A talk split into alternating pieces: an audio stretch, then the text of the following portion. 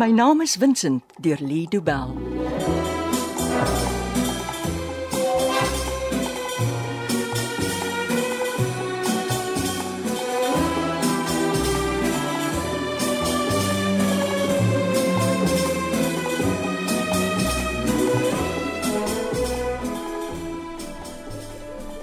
Ek het nooit gedink die dag sal kom nie.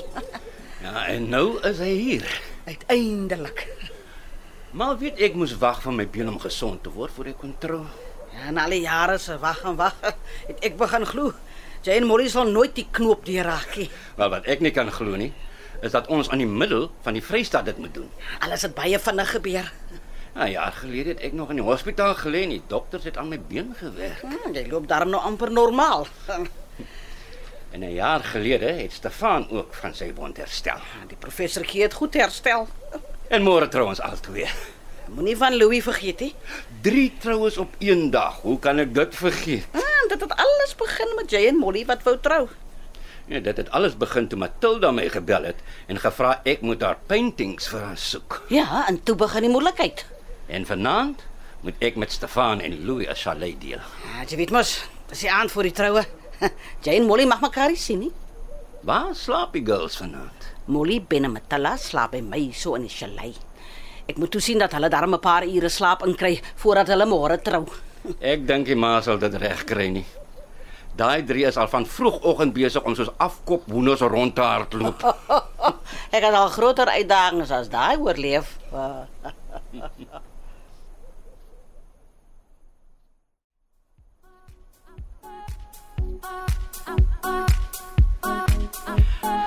Wat dink julle doen die mans? Brandewyn en biltong wat en anders. julle sal almal wakker maak met julle geraas. Dis nog genoeg. Draai dit sagter. Dis net ons ma en die trougaste op die plaas. Het ons hy- musiek sal niemand steur nie. Het aan die doortjie dan nie 'n nag voor tannie se trou ook 'n bietjie uitgehakkie. O, oh, oh, nee nee nee, ek was vroeg in die kooi. Ma kon nie wag om te trou nie. Julle moet tot bedaring kom. En dan staan julle môreoggend met sulke swart kolle onder die oë voor die kansel. Dis nog genoeg. Ag nee, net so 'n bietjie grimering en niemand sien dit nie. so gepraat van mooi maak goed. Hoe laat kom die mense wat ons gesigte en hare doen? Uh, hulle sal so 10 uur uit Parys uitry. Is dit genoeg tyd? Daar's 3 van ons. Jy gaan moet make-up voor die kansel staan, Ben. Ja, anders lyk my rok na niks. nie. En 'n mens wil die hele package wees. Tyd vir jouself. 'n Rok gemaak. Ben trek maar se been. Hy het 'n mooi spierwit tuxedo, spesiaal vir die geleentheid. Dis nie twee van julle en julle trourokke mag ek mos nie na niks lyk nie. Ons spesiale Ben Becker Creations rokke. Oeh, ek is net bly ons het vandag daarom die blomme kraag gekry. Anders sou môreoggend 'n nagmerrie gewees het. Al probleem wat nog oorbly is om seker te maak ons nuwe kombuis werk goed genoeg vir die mense wat kos maak. Julle argitek was slim om die plaas so te ontwerp dat dit in 'n trouvenue ook kan verander. Dit was jou Stefan se idee om hom te vra. Dieselfde argitek wat die nuwe galery in Hugoville ontwerp het. Stefan is so in sy noppies met hoe daai gebou sal lyk. Ons moes eers gaan kyk voor ons hiernatoe gery het. Hoe vorder die bouers? Hulle is amper al dakhoogte. Een van die dae is die groot openingsaand. Dan sal jy en Louis Kaap toe moet kom. Ai, hy het dan so lekker geslaap. Nee nee nee nee, bly jy sit.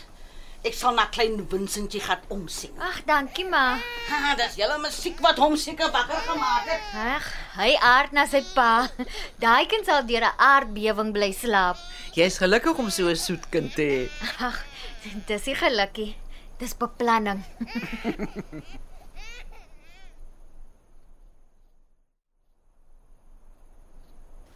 Ek uh, hoop nou nie dis slegte nuus wat daai polisieman vriend van Vincent hom nou gee nie. Nee jong, hulle is ou vriende. Hy bel seker net om Vincent geluk te wens met die troue. Ja, ek hoop so.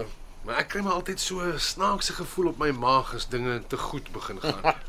Daar's niks wat nog 'n dop nie sal regmaak nie. hè? ja. 'n Man trou seker maar net een keer so. Skink maar. Ja. Ah, Dis die tweede keer wat ek trou, weet jy? O, jammer. Niemand het vir my gesê nie. Ja, maar hierdie keer trou ek met die regte vrou. Ja.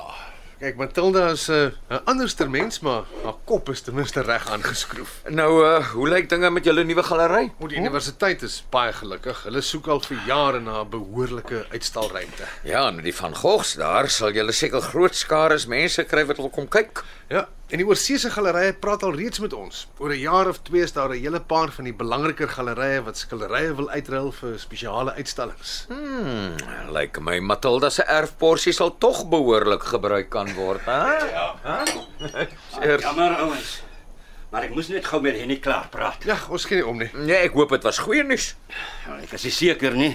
Jou glas is leeg. Geen ons skink vir jou nog 'n dop. Ja, sy. So, Vincent, ja. het daai oproep jou 'n bietjie ontseën nie.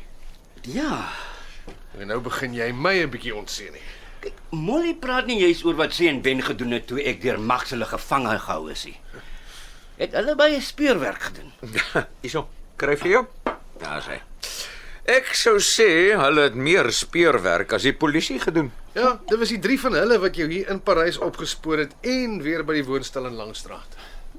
Hulle het nie vir 'n oomblik ophou soek na jou nie. Ja, hulle het beslis 'n indruk op Henny gemaak. Nee, uh, ons moet vanaand nog met hulle praat. Ek kan nie wag nie. W- Wat kan nie wag nie. Wat ek ek wag, wag, wag. Ek bring die dop.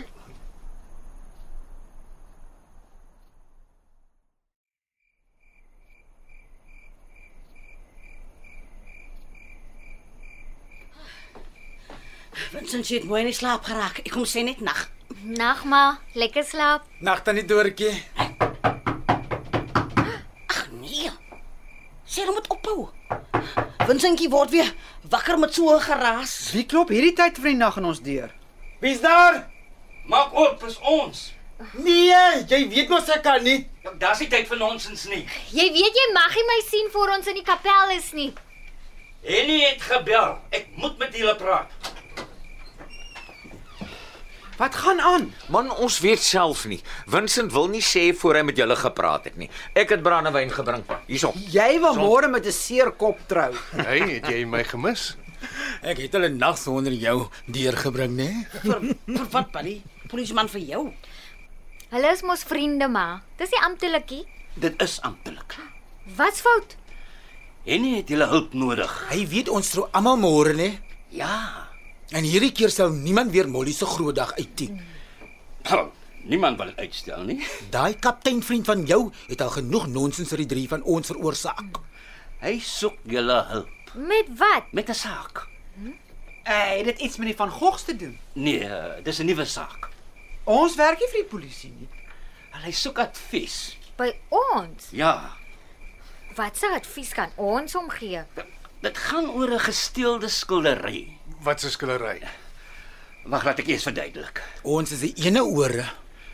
Daar's nog nie 'n persverklaring uitgereik nie, so die inligting is hoogs vertroulik. Ooh, Molly maak toe jou ore, want jy kan nie 'n geheim hou nie. Ag Ben, Nou, daar is in die vroeë oggendure by die uh, Iziko Kunsgalery ingebreek. In Kaapstad. Ja. Wat het hulle gevat? Wel, Ek kan die kunstenaar se naam nie onthou nie. Dit was iets soos 'n prewel. Prevel. Preller. Alexis Preller. Dis hy. O liewe aarde, hulle het Alexis Preller se Christuskopskildery gesteel. Is dit waardevol? Dis baie waardevol en gesog. Daar's letterlik honderde versamelaars wat wie weet wat vir daardie doek sal betaal. Wel, Henny sê dit was 'n goed beplande rooftog. Ek sou so dink, die sekuriteit by daai galery is wêreldklas. Wel, blykbaar was daar 8 diewe, almal in swart oorpakke met balaklavas om hulle gesigte te versteek. Maar wat van die alarms? Wel, hulle het dit op een of ander manier omseil. Het hulle net die een skillery gesteel? Ja, dis wat Henny sê. Is daar ander waardevolle skillerye in daai galery? Ja, honderde. Hoekom sou hulle inbreek en net een steel? dis 'n bestelling. Iemand het hulle seker gevra om daardie een skildery te steel. Dit kan 'n buitelandse koper wees. As dit die geval is, moet Henny dadelik al die grensposte waarsku. Ja. Hulle sal die ding seker so vinnig as moontlik beland uit kry. Wie is julle mense? Wat? Wel, Ek word deur 'n spul boewe ontvoer en vir 'n paar weke aangehou en uh, as ek weer vry is, het almal wat ek ken 'n speurder geword. Toe jy nie daar was nie, moes ons doen wat ons moes doen. Niemand anders wou na jou soekie. Toe moes ek en Ben dit doen. En Matilda en Stefan en Louis het almal ook gehelp. Het julle vergeet? Ons trou almal môre. Dit sal ek nie vergeet nie, maar vanaand moet ons vir Henny help. Ons het 'n konferensiekamer gebou vir wanneer die groot maatskappye op ons plaas wil kom konferensies hou. Uh ons kan die video gebruik om met Henny 'n elektroniese konferensie te hou. Dit kan werk. Bel die kaptein en sê ons sal help. Ja, ons land kan nie daardie skillery verloor nie. Ek gee oor. Julle gaan nie gestop word nie, hè? Gaan julle? Ons het die van Gogs teruggekry. Ons het die ondervinding, so ons moet help. Maak nie saak waar hulle wegkruip met daardie skildery nie. Ons sal dit kry. Moet ek die kantoor oppas terwyl julle klomp weer paintings oral loop soek? Natuurlik tannie Doortjie. Tannie het dan so 'n goeie job gedoen die laaste keer. O, jette. Moet ek weer daai rympie opsê as ek hier as ek hier foon antwoord nie? Dis deel van ons professionele diens, maar En Tannie sê dat jy so mooi. Vincent het nog nie gehoor hoe maar dit sê nie. Sê, toe, Oh, man. Moet kom. Moet kom laffie sê. Ag, toe tannie Doortjie, tannie is mos nie skaam nie. Ek wil dit graag hoor. Dankie dat u Vincent Daniels privaat speelde skakel. Ons vat vinnig en ons vat vas.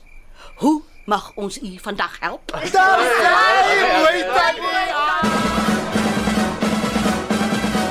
Dit was die slotepisode van My naam is Vincent deur Lee Du Bell. Die rolverdeling in alfabetiese orde is: Ben Rian Visman.